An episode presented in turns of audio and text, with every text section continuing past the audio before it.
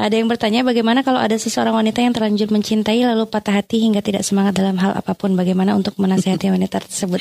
Singkat ya Umi di menit-menit terakhir Masya Allah. Sudah jatuh cinta patah hati. Masya ya, Allah.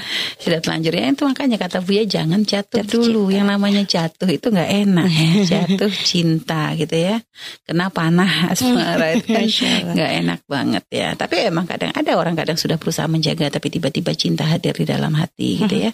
Artinya kalau memang dia orang yang kenal Allah, dia nggak akan langsung menjadikan cinta itu hujah baginya untuk bisa menuruti hawa nafsunya. Ya.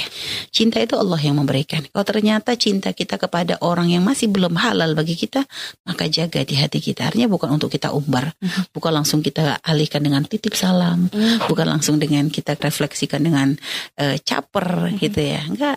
Artinya kalau memang kita ternyata tiba-tiba kok ada kecenderungan kepada orang jenis, maka minta kepada Allah. Uh-huh. Allah yang membolak-balikkan hati, Allah yang mendatangkan cinta itu. Maka jaga ya Allah, jangan sampai dengan cinta ini aku melanggarmu ya Allah. Uh-huh. Ya Allah, jika ternyata dia bukan yang terbaik untukku, ya artinya bukan menjadi pasanganku yang menjadi sebab kebaikan untukku, hmm. maka hilangkan cinta ini ya Allah. Hmm. Jadi begitu dong. Jangan artinya gara-gara cinta kadang orang langsung mendewakan cinta, akhirnya gara-gara cinta semuanya jadi boleh.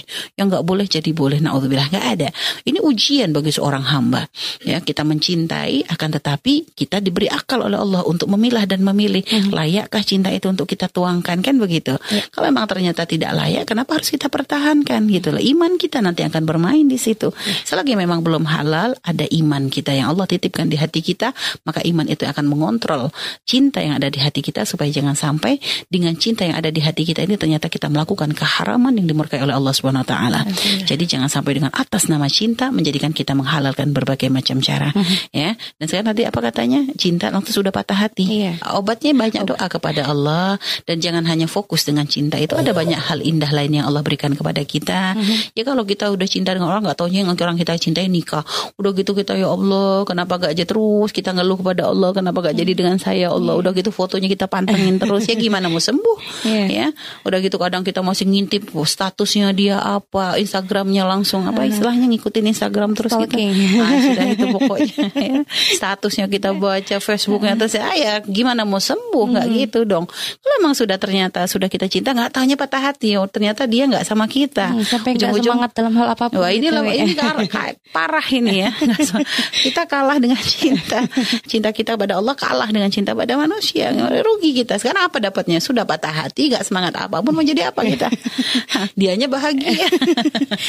jadi gitu. Kalau bang sudah patah hati berarti kita harus nonton ya Allah ternyata dia bukan yang terbaik untukku. Maka minta kepada Allah untuk menghilangkannya dan alihkan dengan hal yang lain. Lakukan hal yang bermanfaat. Ini kenapa patah hatinya tambah parah? Hmm. Karena tadi gak semangat ngapa-ngapain. Hmm. Bengong aja. Kalau gak sekarang ngapain? Orang sekarang kalau bengong kan pegang HP akhirnya ujung-ujung ya itu tadi stalking kegiatan hmm. oh, orang-orang yang kadang kita cintai tadi kan malah hmm. lebih lebih ngenes lagi kita. nah gitu. Jadi alihkan dengan kegiatan yang bermanfaat, yang positif gitu ya. Lakukan perbuatan hal-hal yang akan menjadikan Allah ridho. Dari situ nanti akan teralihkan rasa senang kita ya. dengan sesuatu yang lebih disenangi oleh Allah Subhanahu wa taala. Allah